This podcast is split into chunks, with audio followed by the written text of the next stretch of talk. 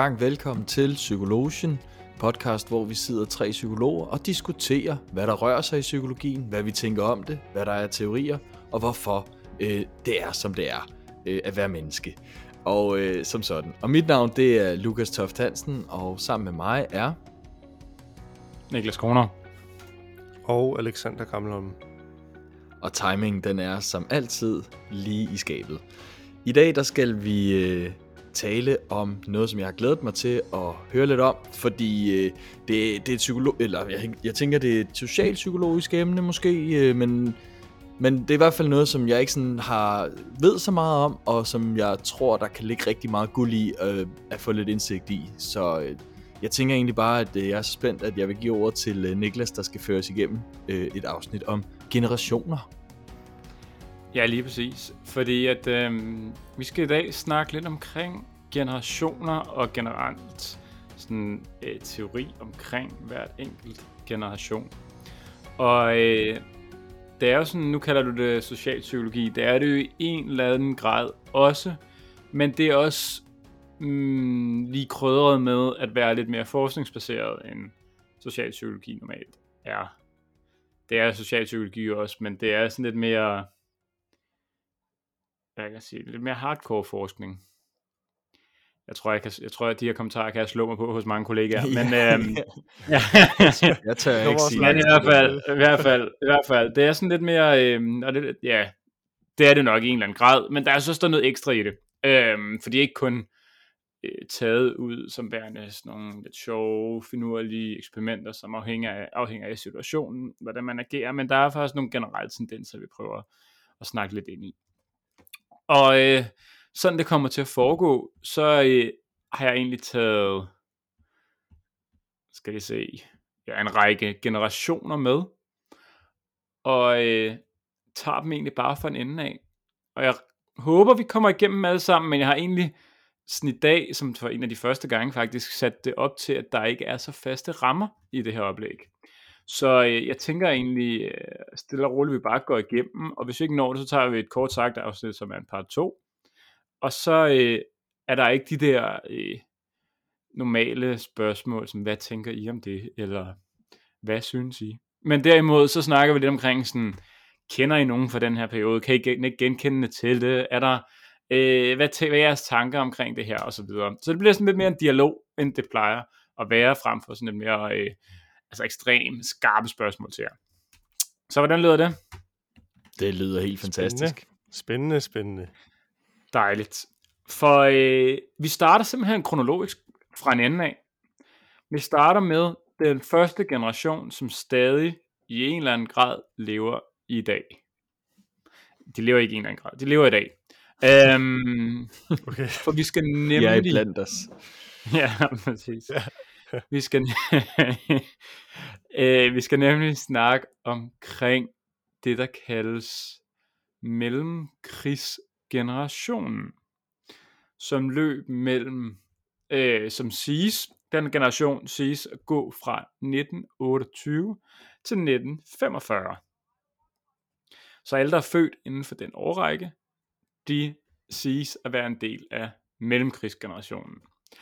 Og øh, dem vi ligesom kommer til at gå ind i, det er mellemkrigsgenerationen, det er baby boomer, som hvis man, øh, øh, man får så også en idé omkring, hvad alt det der øh, boomer betyder, som de unge går og siger en masse. Vi kommer til at snakke omkring generation X, generation Y, generation Z, og for at det ikke er løv, hvad tror I det næste er? Den næste generation. Der, jeg ved, der er en generation, der hedder Millennials, men jeg ved ikke, om det er... Ja, men det, det er generation, det, det er generation uh, Z, det er det, der kaldes Millennials. Det er Millennials, okay, fair nok. Ja. Altså, jeg, jeg, jeg, hvad kommer efter generation Z? Hvad kommer jeg efter for bogstaver i det, i det engelske alfabet, så jeg må mm. sige generation E. Ja, men det er tæt på, fordi det er, det er ikke den eneste, der tænker, nu, nu er der pludselig ikke flere bogstaver til, så man har simpelthen valgt at køre en ny række, for den nyeste generation kaldes generation Alpha. Og så starter alfa. man ligesom forfra, forfra på et nyt alfabet. Okay, jeg er sikker på, at det ikke er E. Nej, det er ikke generation Alfa. Altså, ja. Alfa. Men, øhm, Yes, men vi starter altså fra en ende af, kronologisk. Vi snakker omkring mellemkrigsgenerationen, som er den generation, der er født mellem 1928 og 1945. Og til, ligesom, og det kommer til at være sådan rimelig fast, hvad vi kommer til at gøre, så til jeg kommer til at starte med at spørge jer, hvad tænker I, som skete i mellemkrigsgenerationen, som betød noget for, hvordan de her mennesker er, som er født her? Jamen, øh, Lukas, skal vi starte med den oplagte og sige, der var noget krig, først og fremmest, apropos navnet også, i forbindelse med det. Ja. Ja, der var så ikke, mellem, der var så ikke krig, der var mellemkrig. Mellemkrig. Der var, der var krig i slutningen, kan man sige, hvis vi går Ja, ja, det er til rigtigt, 45. ikke? Ja, ja lige Men, præcis. Øh, men jo, det kunne man godt starte med. Og så vil jeg sige, det er jo også, hvad udløser sådan en krig og hvad, alt det der. Der var noget med en krise i hvert fald, jeg ved, øh, børskrakket, øh, når vi snakker 1928, Mm. som jo Ja, blev en verdensomspændende økonomisk krise, som, øh, som jeg tror og tænker har påvirket den generation ret meget. Helt sikkert. Ja. Mm. Jamen, øh, I har faktisk ret, fordi at hvis man kigger ned i sådan teorien og den forskning, der er lavet på den her generation, så er det jo ligesom det, der træder frem. Imellem 1928 og 1945, der øh, havde man en opvækst, som var meget præget af en økonomisk depression. Der var meget høj arbejdsløshed. Og så som I korrekt sagde, så er der jo selvfølgelig også, øh, man kommer i kølvandet på krig, så krig er jo stadig en del af ens hverdag, på trods af, at det ikke er aktiv krig, så er der jo, som man jo ser rundt omkring i verden, når der er krig, der er jo nogle øh, efterladenskaber af krig, der påvirker de mennesker, der er der efter os. Så det er ligesom det, der er øh, man kan sige, hverdagen for den, de her mennesker, der bliver født mellem 1928 og 1945. Øhm, og det betyder faktisk, at de vokser op med sådan nogle værdier, hvor det var vigtigt, at man var sparsomlig, man var nøjsom, og man skulle arbejde hårdt.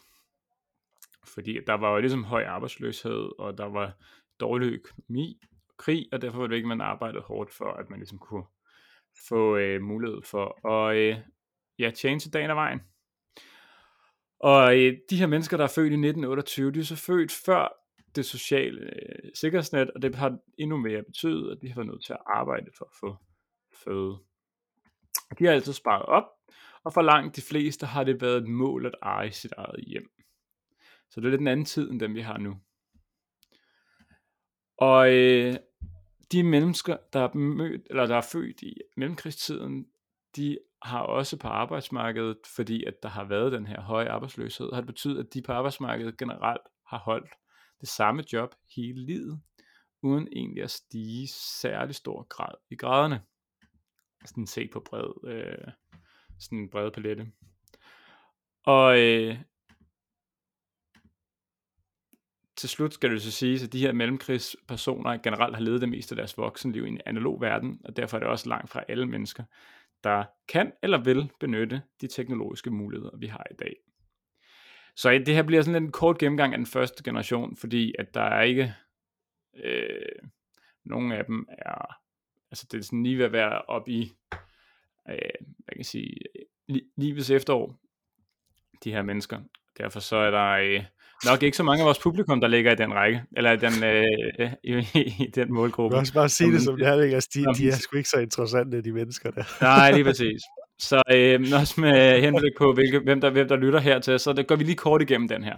Men det er sådan det, der ligesom er kendetegnet for dem her. Der er økonomisk depression, der er høj arbejdsløshed og krig, og det er født til, at man har nogle værdier, som handler omkring nøjsomlighed, sparsomhed, og man har en høj øh, arbejds, både omhyggelighed, men også arbejds øh, man kan sige, entusiasme og motivation. Øhm, og det er ligesom fordi, man er vokset op i de tider her. Så hvad tænker I omkring det? Og øh, kender I nogen, som I tænker, det giver god mening, fordi de er fra den her generation? Ja, jeg kender min øh, kære farmor og farfar for eksempel, mine bedsteforældre, som lige er fra slutningen af den her tid, som, øh, som har været de der stabile, altså de har jo bare blevet gift i en ung alder, og så har de haft det samme job hele livet, og de har, de samme værdier, de samme politiske overbevisninger, de samme religiøse overbevisninger. Nu er det sådan måske også en lille smule karikeret sagt, øh, og der er intet galt i det i øvrigt, synes jeg heller. Det er rigtig, rigtig trygt og stabilt, og, øh, og fint. Så, øh, men, jeg, men jeg synes, jeg kan genkende noget af det, du siger, i, øh, når jeg tænker på dem og deres liv, hvordan det har været. Ja, jamen, jeg tror, jeg er meget enig. Også det her med, som du siger, Lukas, at, at det hele er meget, øh, jeg ved ikke, om man skal kalde det konservativt, altså i forhold til, at det er meget det samme, og, og det, det bliver meget altså stabilt det samme hele vejen igennem, og, og der er ikke måske lige så meget udvikling, hverken i forhold til, til arbejde, eller i forhold til, som du også nævner, Lukas, øh, som, som parforhold og så videre. Og så det der med sparsomlighed for eksempel også, at den, den tror jeg også, vi nogle gange måske også godt kan kende som sådan en, at vi har fået sådan enten, ikke en, øh, måske ikke en løftet pegefinger, men sådan lidt sådan en, en, en, at vi har lært videre fra den generation også, at husk nu at spare op, og husk nu, at, at øh, man, man skal ja, øh, være varsom i forhold til, hvad man, hvad man både bruger sit fokus på, hvad man bruger sine penge på. Altså sådan lidt den der generation, der lidt siger, pas nu på, og bum, bum, bum, og lidt den, altså lære en omkring det her med stabilitet og så videre, måske også, øh, kan man måske godt lidt huske eller fornemme, øh, eller genkende, at der også har været i, fra den generation, fra farmor og farfar for eksempel. Ja. Super fint, jo, super fint. Og jeg tænker at vi bare sætter parentes om den, og så går øh, videre til næste generation. Fordi nu skal vi snakke om babyboomerne, som øh, er en generation for dem, der er født. Og nu begynder det nemlig at være mindre sådan helt konkret øh, i forhold til hvad hedder årstal. Fordi at babyboomerne er cirka født omkring de her 1946, hvor mellemkrigstiden ligesom øh, generationen de stopper. Og så er de født, øh, og, der, og så er de, den her babyboomer generation, den slutter sådan cirka midt 1960'erne, slut 1960'erne. Så det er sådan lidt mere, øh, den afslutningsvis er ikke lige så skarpt opdelt som mellemkrigsgenerationen. Men er man født mellem 1946 og så cirka mellem 1960, midten af 1960'erne, så er man en del af den her generation. Og øh, mellem 1946 og 1960'erne, hvad tænker I ligesom der, kan I komme i tanke om, der skete noget der, som kunne være bestemmende for, hvordan man var?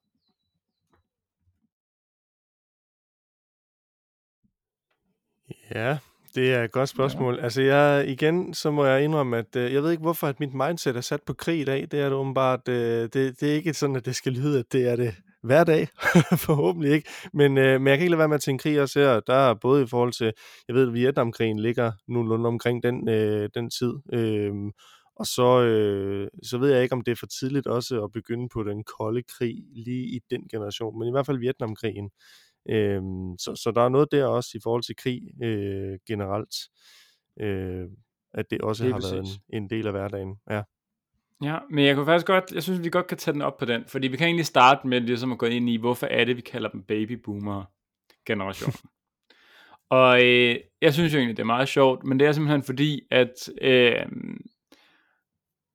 i året efter 2. verdenskrig, i 1946, der er simpelthen ifølge Danmarks Statistik født den største andel af danske børn øh, nogensinde.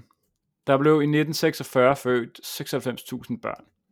Så okay. øh, det er ligesom derfor, man øh, navngav dem babyboomer-generationen, fordi i kølvandet på 2. verdenskrig, og i takt med, at vi kom over på den anden side, så øh, begyndte alle folk simpelthen at have sex uden prævention. Boom. Og øh, så kom simpelthen den største generation af børn her i 1946. Og øh, babyboomernes opvækst, det har været meget præget af knaphed, men de er også den første generation, som har oplevet fremgang i velfærd, vækst og økonomi i hele deres tilværelse. Og det vil også sige, at mange babyboomer i dag har et højt rådighedsbeløb øhm, og privatforbrug. Og det her er ikke gældende for alle, men set bredt er miljø- og klimaforandring blandt andet en ting, som de ikke er meget optaget af. Og det er også det noget, af de her millennials klandrer nogle af de her øh, babyboomers lidt for. Øhm, den ældste del af babyboomerne, de kom ligesom på arbejdsmarkedet, da der var mangel på arbejdskraft. Og dem, der har haft pensionsopsparinger eller investeret i fast ejendom, de har også ligesom gennem årene fået en del penge til gode.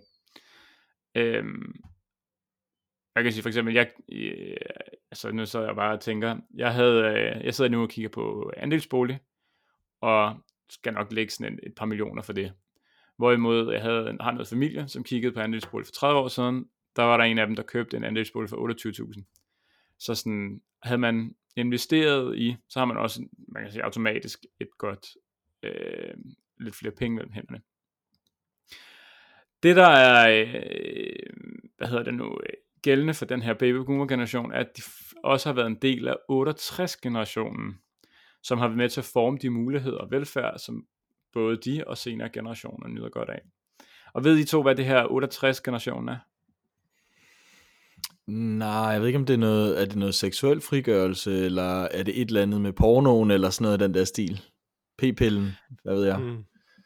Ja, lige præcis. Det er, ja. øh, det er sådan, man kalder det 68-generationen, eller 68'erne er øh, som et, et år for, hvornår man ligesom lavede en masse, i hvert fald, der var i hvert fald opbrud mod en masse ting i det danske samfund, og at velfærdsstaten ligesom blev støttet, man gik væk fra mere privatiseret eje, og der begyndte at komme sådan nogle, øh, øh, blandt andet blev pornoen frigivet her også og sådan nogle ting. Så det er sådan, man siger det er 68'erne, men det gælder egentlig både i starten af 60'erne og starten af 70'erne. Og det er også noget med, at kvinderne begynder i højere grad at komme på arbejdsmarkedet her og sådan nogle ting. Så der, de er egentlig båret af at lave sådan reformer, den her baby boomer generation.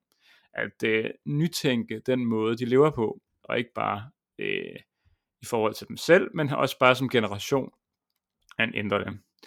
Øhm, og det betyder så blandt andet også, at de her babyboomer har levet en tid, hvor der er, øh, blandt andet p-pillen er jo også kommet til her. Det vil sige, at man er også gået lidt væk fra den generation, apropos reformer, og tænke øh, ægteskab og øh, samleje som værende så, man kan sige, øh, konservativt forankret, som det har været tidligere. Hvor at man nu, så tog man til København, og så havde man måske lidt mere, man havde lidt flere sexpartnere igennem livet, og øh, Ja, så der er også nogle forskellige øh, store ting, som skete her, som ligesom har været gældende for babyboomerne, som egentlig generelt har betydet, at de er øh, som generation relativt reformorienteret. Og øh, det er egentlig også, og det synes jeg er ret sjovt, at det, det at de hele livet ligesom har skulle nytænke strukturerne, eller har været med til at nytænke mange af de strukturer, der øh, er fastlagt i vores samfund nu, det har de faktisk også taget med i pensionsalderen fordi at øh, babyboomer er i, over en stor palette ved at gå på pension nu. Og den måde, man går på pension nu, er markant anderledes, end det har været i mange tidligere tider. For eksempel så øh, er pensionerede nu langt mere aktiv, end de tidligere har været. Der bliver lavet alt muligt. Så går man ned og spiller paddeltennis, eller tager til forskellige stævner, eller løber en tur, eller hvad man nu ellers gør, går ud og ser på kunst. Der er øh, forskellige, jeg synes det er sådan meget sjovt, for eksempel sådan i Japan, der er en kæmpe gruppe af nylige pensionister, der har begyndt at tage boomblaster med ned på forskellige gågader og danse rundt. Øhm, der er langt større del af de her nylige pensionerede, der tager jorden rundt og rejser alle mulige forskellige steder. Så man er ikke gammel som babyboomer nu, når man går på pension. Hvor det var man lidt tidligere, fordi at der var de her fast forankrede familieværdier, som man ligesom skulle øh, passe på og hygge om, så er øh, den måde, man pensioneret på nu, lidt anderledes. Og det er ligesom dem, der har været med til at skabe den reform, at de også gerne vil nyde deres eget liv, og ikke kun, man kan sige, isolere sig omkring familien. Ja, så hvad tænker I? Det er sådan lidt gældende for øh, de her babyboomere at det er ligesom det, der har præget deres kultur, men og, og det er den måde, de ligesom er på, og de værdier, de er på. Øh, de, øh, de er. Hvad tænker I omkring det? Og kender um, I øhm. nogen, hvor I kan se, se dem, som er født mellem 1946 og midt slut 60'erne? Vil du øh, starte, Alex? Jo, medmindre du, øh, det så bare ud som om, at du øh, skulle til at gas. sige noget, Lukas. I forhold du kører bare. Nej. Jamen, jeg tænker, at det, øh, først og fremmest er det jo nemt at se i forhold til, at der er nogle, altså jeg synes, det giver god mening igen i forhold til, hvordan det lidt, igen viser det jo lidt, hvordan, kan man sige, kulturen lidt shaper øh, generationen på en eller anden måde i forhold til det. Øhm, og så kan man sige, i forhold til at kende nogen, jamen så for nogen vil det måske endda være, øh, altså, tænker vi vil ligger sådan lige på grænsen mellem, igen, det er nok noget, noget bedsteforældre, og for nogen vil det måske også alt efter, hvilke lyttere vi har, så vil det måske også være over i noget, noget mor eller far, der, der, der ligger i den her øh, i den her ende her, og derfor så, øh, så, så, så, så det er sådan dem, man vil, vil kende, ikke? men man, man kender måske godt personen igen det her med, hvis vi snakker ind i det her med, med øh, baby boomer generation, også det her med, det lyder lidt som om, at de også valuer, altså sådan, altså forhold og så videre, også fordi der blev, der blev født så mange på den tid, ikke også, så sådan noget med forhold, det er noget, som, som, som har stort fokus også i, i forbindelse med det, og øh, hvordan man lever, og alt det her med at skabe nye, som du også siger, Niklas, de her nye øh, rammer osv., så videre, gå lidt foran i forhold til det. Øh, ja, det tror jeg sådan lige min umiddelbare kommentar. Jeg ved ikke, om du har noget i forhold til, til det, Lukas? Nej, altså jeg har den kommentar, at hvis man vil møde en boomer, så kan man jo med fordel gå på Facebook eller på Ekstrabladets øh, kommentarspor. Øh, og det er også lidt sagt i sjov øh, og, og, og, og drillende, fordi at baby boomer bliver jo drillet ret meget, især af vores generation og generationer omkring os. Øhm, fordi at, øh, jamen, og det, der kan sikkert være mange gode grunde til det, ikke? og nu har vi lige fået, måske øh, har jeg lagt mærke til, at der er nogen, der begynder at snakke om coronababyer, apropos det her med at komme på bagkant af en krise, og, sådan, og, og, så, og så blive født ind i et opsving øh, med økonomisk og velfærdsmæssig seksuel frigørelse, og Øhm, og, og, og for den her generation, så har det været meget, altså sådan en kæmpe stor forandring med det her med kvinder på arbejdsmarkedet og frigørelse seksuelt, og sådan, der har været vildt mange ting, hvor ting har kunne lade sig gøre for dem. Øhm, og det kan godt være, at det er en misundelse eller et eller andet, vi går, øh, det, det er det der er grunden til, at vi går og laver så meget sjov med de der boomer, øh, men, men, men det, det kan, de kan også være sjovere at jagtage øh, nogle gange, øh, vil jeg bare, det, det vil jeg bare sige, øh, men, men øh, jeg synes, det giver god mening, det der bliver sagt. Så lad os bare ja. sige det. Ja, jeg mener nok, at sige, det er jo store ting, og velfærdsstaten blev også skabt under babyboomernes, øh, man kan sige, øh, blød, eller faste hånd. Og det er jo lidt sjovt med det her med, at, at den unge generation bruger boomer som lidt et skældsord i en eller anden grad. Også fordi, at det er jo ikke længere tilrettelagt kun til babyboomer. Den næste generation, som er generation X, øh, bliver egentlig også puttet ned i den boks, som kaldes boomer, øh, på trods af, at de egentlig ikke generationsmæssigt er det. Fordi at øh, generation X, som ligesom er, som man er en del af, hvis man er født sådan cirka midt 60'erne til slut 70'erne, Øhm, det kaldes også tv- og radiogenerationen.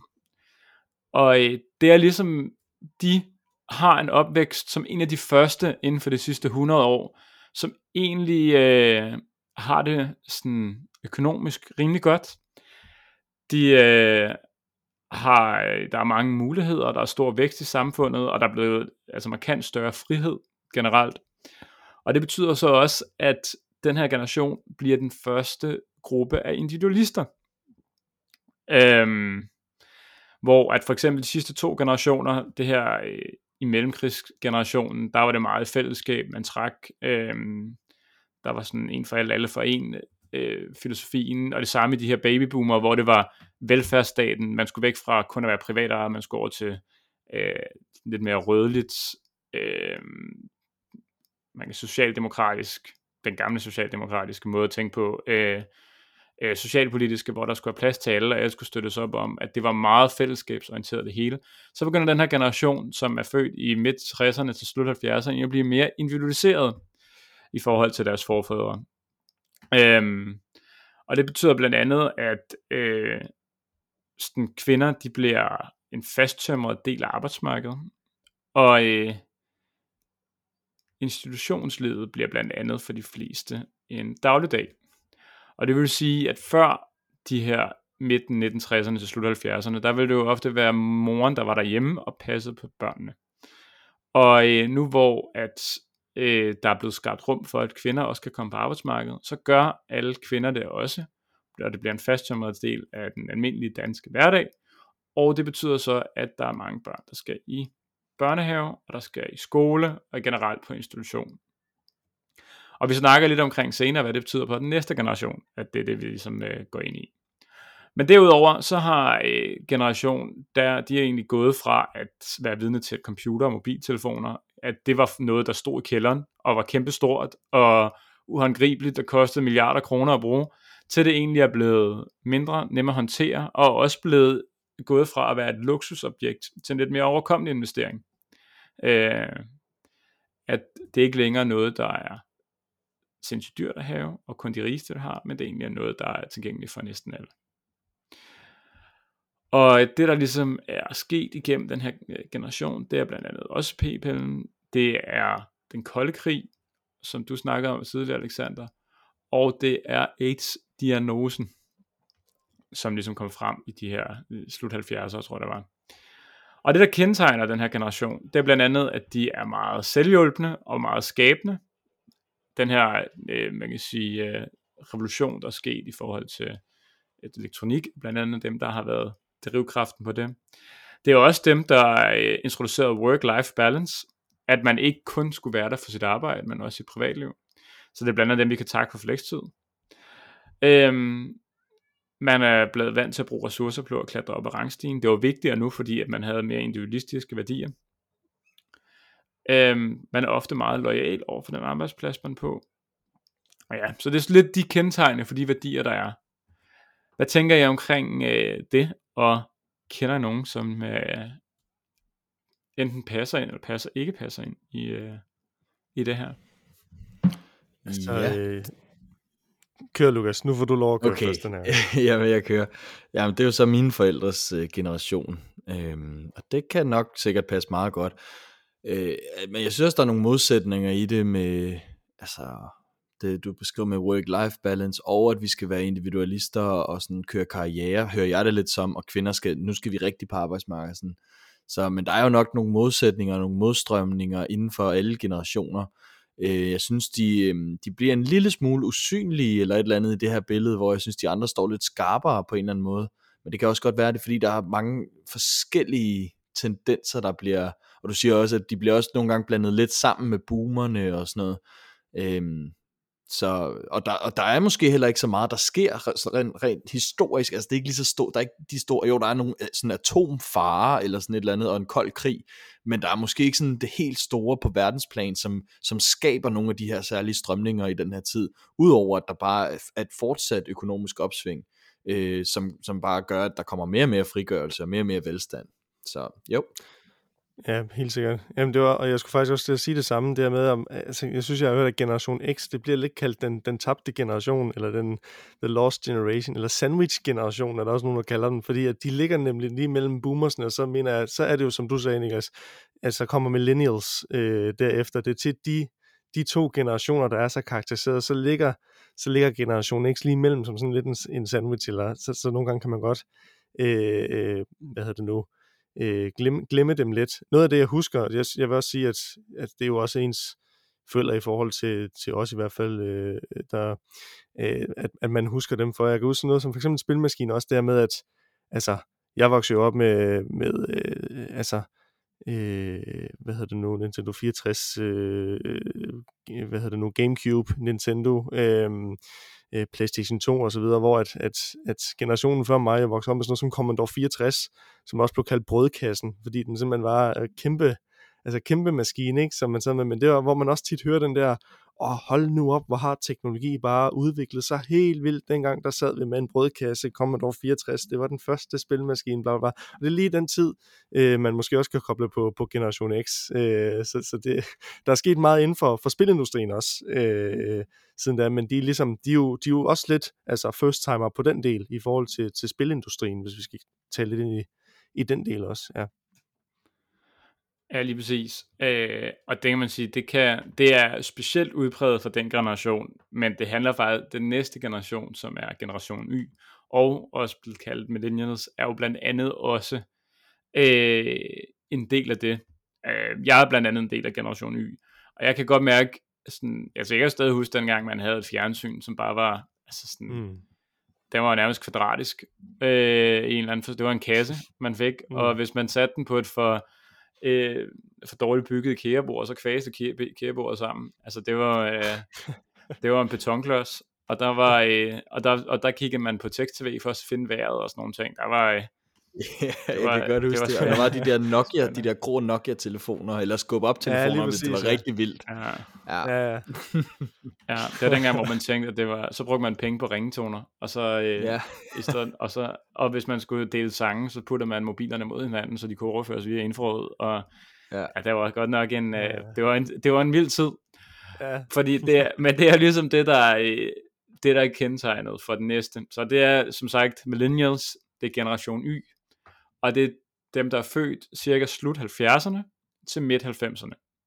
Så vi ligger lige på grænsen til at være øh, generation Y og generation Z. Nu er jeg jo lidt ældre end jer, så også lidt klogere og lidt smartere. Øh, har lige et, et år på dig, Lukas, og to på dig, Alexander. Så mm. øh, ja, ja så den, den erfaring, det, den erfaring det tænker jeg også kommer tydeligt frem her i podcasten. Ja, men, Ældre, øh, det kan man godt det, se på dig, du er i hvert fald. Det er helt sikkert. Grå hår der jo. ja. Men det, der er kendetegnet for den her generation, som er født mellem slut 70'erne til midt 90'erne, det er blandt andet, at øh, i Danmark, de er præget af Berlinmurens fald. Det er jo rimelig meget afhængigt af, hvornår man er født. Øhm, men øh, at der bliver sagt nej til euroen. Vi har 9-11, og der er blandt andet finanskrise. Og det har egentlig betydet i en eller anden grad, at man, øh, jo, og så er man selvfølgelig også, at ens liv i høj grad blevet formet igennem teknologi og sociale medier end de tidligere generationer. Fordi vi har fået det generelt tidligere i livet. Mens vores, øh, vi stadig har været parat til at bruge det, og aktivt skulle bruge det, for at kunne blive en del af samfundet. Men øh, det har betydet, at vi til tider, og det her det bliver det første pointe, det er i hvert fald øh, det er mere gældende for den her for generation Y, end det er for de tidligere generationer, men mindre gældende, end det er for blandt andet alfa-generationen. Men øh, det er, at man er mere selvsikker på ydersiden, og mere usikker på indersiden. Øhm, og det er jo blandt andet, fordi at man har haft nogle øh, forældre, der har været meget på arbejde. Og øh, det har betydet, at man har haft mange materielle goder, men måske ikke ligesom tilstedeværende forældre, som man egentlig tidligere har haft i den tidligere generation, fordi der altid var en hjemme til at tage sig af en. Og øh, derfor så har man ligesom fundet ud af, at vejen frem er vigtigt, og det har så til nogen, for nogen, i hvert fald i, øh, hvis man snakker ind i det her generationer, betydet, at der derfor er mange, der er sådan lidt selvsikre på udsiden, men måske lidt usikre på indersiden. Derudover er det gældende for generation Y, at man er informationssøgende og hurtigt sorterende den information, der er. Man finder hurtigt ud af, hvad der er godt og hvad der er dårligt. Man, er, øh, man motiverer sig mening, faglig udvikling, man er omstillingsparat og rummelig. Man har til modsætning fra de tidligere generationer, der har man et ønske om støtte og frekvent feedback fra både sine kollegaer og sine arbejdsgiver i det, man laver. Så hvor de andre generationer, der var det meget, øh, hvis i hvert fald på arbejdspladsen, så var det meget sådan, hvad kan man sige, det var meget arbejdet, du gik på arbejde for, eller det var meget lønnen, du gik for arbejde for. Så begynder det nu for generation Y at være øh, noget andet end kun opgaven, der er i fokus. Og det betyder altså, for at man skal trives på arbejde, så skal den her generation have generelt mere feedback og mere støtte end de andre generationer. Øhm, derudover så øh, begynder den her generation også i højere grad end den tidligere, øh, men i forlængelse af at søge mere autonomi og mere fleksibilitet i arbejdet i forhold til arbejdstid og tilgang. Man er ikke til for arbejdet længere. Nu er det arbejdet, bruger man ligesom til at øh, motivere sig selv og få løn og udvikle sig, men der er også andre ting end arbejde. Øhm, og derudover, og det ligger også i forlængelse af det næste, hvor at man som den her generation, man vil gerne arbejde hårdt, men man vil også have indflydelse, og man vil gerne være medbestemmende. Og så er man ikke særlig autoritetstro. Så, gutterne, det er også det her, eller det er i hvert fald, jeg kan i hvert fald se flere af tingene i mig i den her. Øhm, nu kom, kommer vi jo ind til generation Z næste, så kan vi se, om der er nogen der er dem, der, der I hopper på. Men hvad, øh, tænker I omkring den her generation? Og kender I nogen, hvor det passer på? Eller tænker I nogle aspekter passer, og nogle aspekter ikke passer? Jamen, jeg tænker, det giver, jeg tænker, det giver god mening. Jeg sidder så og tænker sådan noget, og jeg synes, jeg har læst også i forhold til netop den her generation, at det her med, at det her med at socialisere sig også, at det foregår meget på det her. Det er også lige her, sådan nogenlunde her omkring, at der begynder at komme lidt de her øh, sociale medier, altså virkelig spæd, altså det, vi, vi snakker jo ikke Facebook og sådan noget, det var det var før den tid, men, men hvor man begyndte og sådan noget, også for eksempel sådan noget med dating, man begyndte lidt på dating sites og sådan noget på den måde, at bruge det øh, til, at, til at møde andre mennesker, og det blev meget teknologiseret, øh, te, det hedder det ikke, Tek- teknologien begyndte at fylde mere og mere, og det betyder også, at der var også noget i forhold til det her med netop, som du også tæller ind i, Niklas, at man, man virker selvsikker måske på, på ydersiden, som måske også er lidt den her, apropos det her med at møde folk over en skærm, for eksempel også, øh, men så når man, når man kommer ud i den, altså i den virkelige verden, så, så, så mangler man måske lidt de der interpersonelle, ikke, jeg siger ikke, det er tilfældet ved dem alle sammen, men fordi at man ligesom, at tingene er blevet lidt mere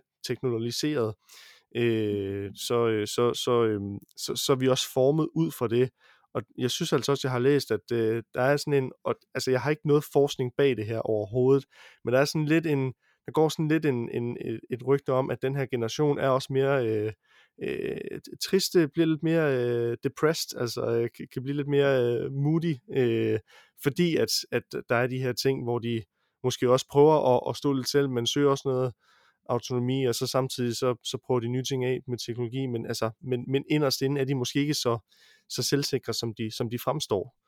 Øhm, så, så på den måde giver det god mening. Det var en længere smøre, men øh, ja, jeg, synes, jeg synes, den giver god mening. Jeg ved ikke, hvad du har at tilføje i forhold til det, Lukas. Nej, altså det er jo interessant det der med, hvad der er forskningsbaseret, sådan, fordi jeg synes jo også, det her det er jo præget af narrativer, og sådan, hvad der er sket i øvrigt i historien, og hvad man går og er vokset op i, og så er der jo også ens egen personlighed, fordi der kan jo nok være nogen, der sidder og ikke føler, at det, man, man genkender det specielt godt, alting i hvert fald, ikke? så det er sådan nogle overordnede linjer, eller sådan, øhm, men... Ja, det skal jo siges, det skal jo siges, at det er jo bare, det er bare et tværsnit, sådan, øh, man kan sige, ting, man ser, kan være en tendens hos forskellige generationer, men der er jo, mm, vi er jo alle sammen forskellige mennesker, så der er jo forskellige, øh, hvad jeg kan sige, øh, der vil altid være nuancer, og man kan sagtens have nogle værdier, som ikke er præget af det, der øh, siges at være præget for den generation, på trods af, at man er født der, hvor generationen foregår. Helt bestemt, fordi der er jo sikkert mange modstrømninger og paradigmer og sving inden for hver generation, og så er det jo også, hvor, hvor sætter man grænsen og sådan noget. Men det er jo interessant, hvad for eksempel, nu nævner du sådan noget med sådan, nej til euroen, altså hvad, hvordan det skaber en identitet for øh, dem, der var med til at, at, at det, eller med til at vokse op under det, og sådan, øh, og Berlinmurens fald, det er da også en kæmpe forandring i ens liv, øh, altså i hvert fald i Europa, europæernes liv sådan. Så det er klart, at det påvirker jo på en eller anden måde ens tilgang til verden, ens personlighed og ens mm, måde at forstå, og så ikke mindst teknologien, ikke, som jo har som er nok noget af det, som vi på et eller andet tidspunkt skal samle op på og sige, hold da op, hvad, hvad er der sket, øh, og er vi mennesker egentlig os selv, nogle gange synes jeg i hvert fald. Fordi det er da klart, at det, bliver vi, det, er jo, det er jo ved at være så integreret en del af vores liv, øh, at, vi, at det bliver en del af den menneskelige psyke, den der teknologi, ikke? Så det er jo det, der virkelig sker, synes jeg, i den her generation, det er, at øh, man begynder at tage, tage det til sig, ikke bare som en Commodore 64, sådan lidt øh, haha spilmaskine, men som noget, der man, man har en profil på sociale medier og sådan noget, hvilket jo er ret mm. interessant. Mm. Det bliver en stor del af ens hverdag, ikke? Til at, at gøre mange forskellige ting, både arbejdsmæssigt og, og privat teknologien. Mm. Mm. Lige præcis.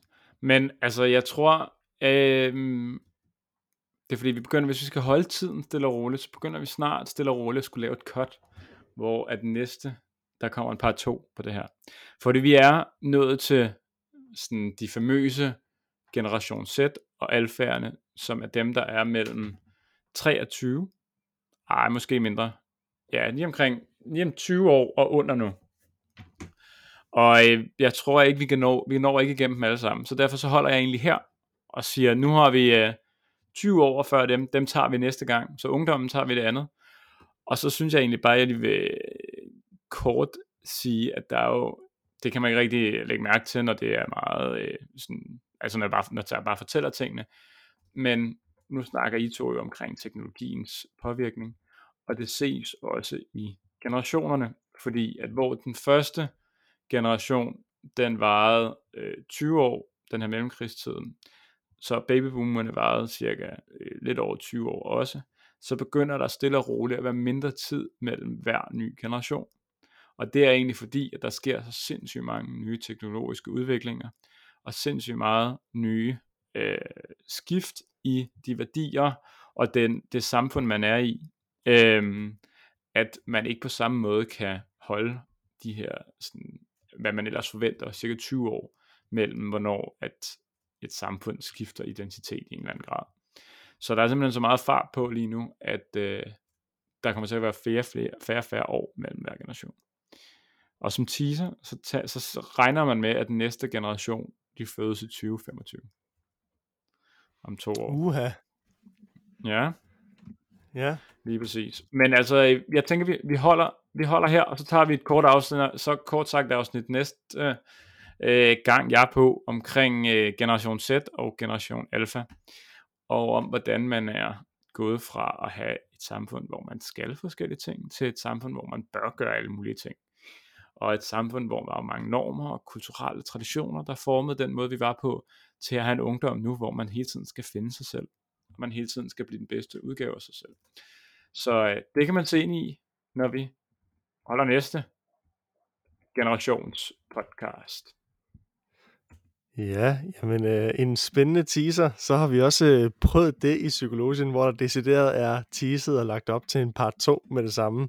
Øh, men for nu, så vil vi i hvert fald, tror jeg, både Lu- Lukas og jeg øh, sige, og også lytterne, tak for øh, forhåbentlig, tak for et godt oplæg, Niklas. Og øh, jeg tænker, at øh, det giver rigtig god mening, men også super spændende det her med, hvordan vi også øh, fra generation til generation, hvordan værdier, normer og så videre, hvordan det også kan spille ind og, og udvikle os som mennesker, og selvfølgelig også, som du siger, teknologien, Niklas, også, der spiller en kæmpe rolle, men hvordan det, det taler også ind i, hvordan det her, øh, på trods af, af gener og så videre, som jo også spiller en rolle i vores udvikling, så er der også nogle ting udefra, det er i hvert fald noget af det, vi har snakket om i dag, synes jeg, man godt kan træ, øh, trække tråde til, at miljøet jo også kan spille en rolle, øh, i, hvordan generationer udvikler sig. Super spændende, og jeg tror også, vi alle sammen glæder os til en, til en part 2, hvor det er ungdommen, der, der skal i, i fokus.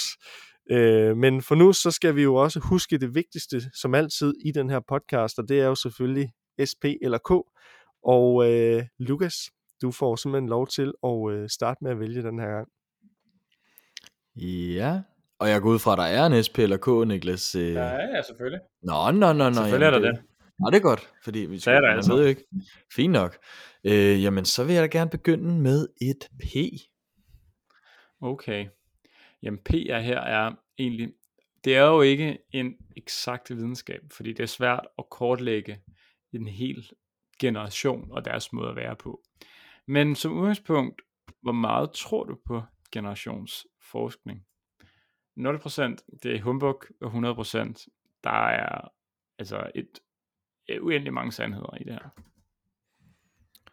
Øh, ja, det er et godt spørgsmål, fordi det er, det er en grads, et grads spørgsmål, vil jeg sige, og øh, nu er jeg selv medlem af en frivillig organisation, sådan, hvor vi rent faktisk øh, laver øh, også sådan nogle her analyser for, hvordan vi væver medlemmer fra forskellige generationer, og hvad man skal være opmærksom på. Så jeg tror virkelig, man kan bruge det til noget på samme måde, som man kan bruge personlighedspsykologien og personlighedstest øh, på samme måde, som man kan bruge øh, diagnoser, selvom at der kan være overlap og forskellige øh, meget individuelle forskelle og spektre og hvad hedder det, øh, sådan nogle kontinuumer for hvor man selv ligger, og man kan ligge mellem generationer, og, sådan, og der, man kan have sin helt egen personlige historie, men som overordnet fortælling om en tid, man er vokset op i, og det er jo, og det ved vi, ungdommen og barndommen, der præger resten af vores liv. Det er der, vi har langt de fleste af vores minder, i hvert fald hvis vi snakker vores ungdom, øh, i hvert fald episodiske minder, altså det, det, det, det, det er den tid, vi husker bedst, og det er den tid, der former os vores personlighed, vores identitet, øh, vores måde at tænke om verden, om hinanden på. Så på den måde, så synes jeg, det er ret relevant og ret vigtigt at kigge på øh, det her. Og derfor så tror jeg da på forskningen, så kan man jo have alle mulige biaser, og især nok flere biaser, når vi snakker om, jamen, hvad var så vigtige historiske begivenheder, eller hvad er så definerende for den her tid, eller den her årgang. Øh, så jeg vil nok sige, at øh, vi ligger ikke på en eksakt videnskab, som du siger, men vi ligger på en øh, god 75 procent, vil jeg give sådan, hvad, hvor meget jeg vil tillægge værdi til den her den her historie om de forskellige generationer.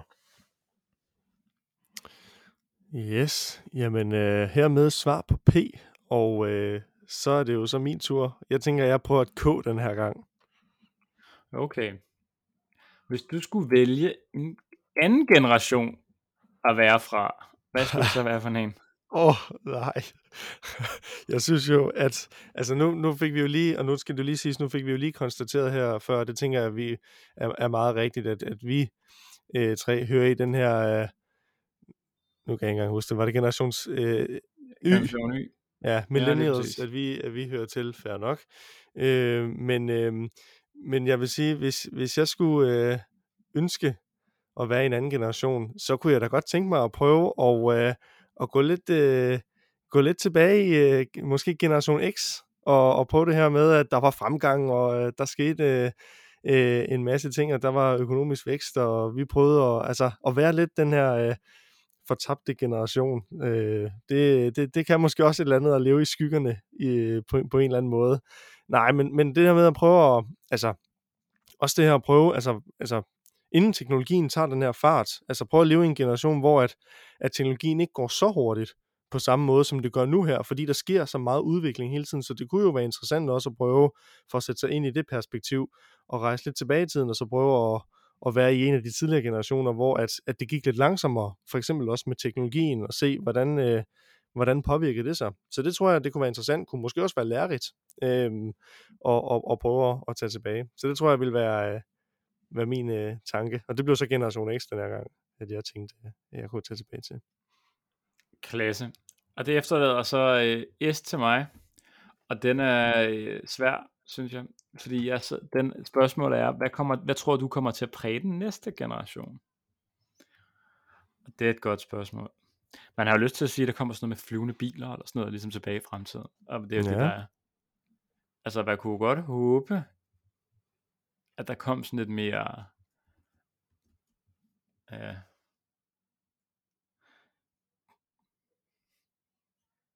Jeg sidder og tænker sådan noget, øh, det kunne godt håbe, der kom sådan lidt mere sådan noget udforskning af rummet eller et eller andet, så der kom sådan et vildt skift, at man var sådan, nu kan jeg tage over til, det er ikke min øh, kammerat i Holland med en rumraket eller et eller andet, at det er det, der bliver skabende, at vi bliver mindre fastlåste i, hvor vi bor, men dermed mere rundt omkring. At det er sådan, der kommer sådan en flyvende motorvej, ligesom der er i nogle film og sådan noget. Det kunne være ret fedt. Men jeg tror egentlig i bogstaveligste forstand, at næste generation kommer til at være præget af Ja, det ved jeg sgu ikke. Jeg har faktisk ikke svar. Jeg ved sgu ikke. Jeg bliver ikke, jeg bliver største jeg bliver ikke den største fremtidsforsker, det kan jeg godt mærke. Få svaret øh, i næste afsnit, øh, når vi... det er sådan en rigtig teaser, sådan en rigtig cliffhanger, du laver her. Ja, ja, ja. Jeg kan mærke, du har svaret, du vil bare ikke sige det lige nu. Ja, jeg kan bare ikke sige det lige nu. Men man kan også sige, der er også noget med, lige nu foregår der med noget krig rundt omkring, og der er nogle øh, alle mulige øh, kulturelle eller øh, socialpolitiske problemer rundt omkring i verden, som måske godt kan blive til et eller andet, så måske godt kunne påvirke den generation, der bliver født om to år. Så det kunne man godt tro, at der var et eller andet der måske, øh, med chance for at være super negativt tænkende. Omvendt så bliver det nok også en verden, hvor et, øh, et land ikke sætter grænser for, hvad vi ned. Øh, den generation kommer til at vokse op med, alt er internationaliseret, og alt er sådan, øh, altså sådan hele verden er tilgængelig, som den jo så også er for generation alfa, men i højere grad, at vi er ikke isoleret, bare fordi vi er derhjemme. Fordi at vi er connected på alle mulige måder. Så øh, det kan godt være, der er et eller andet der.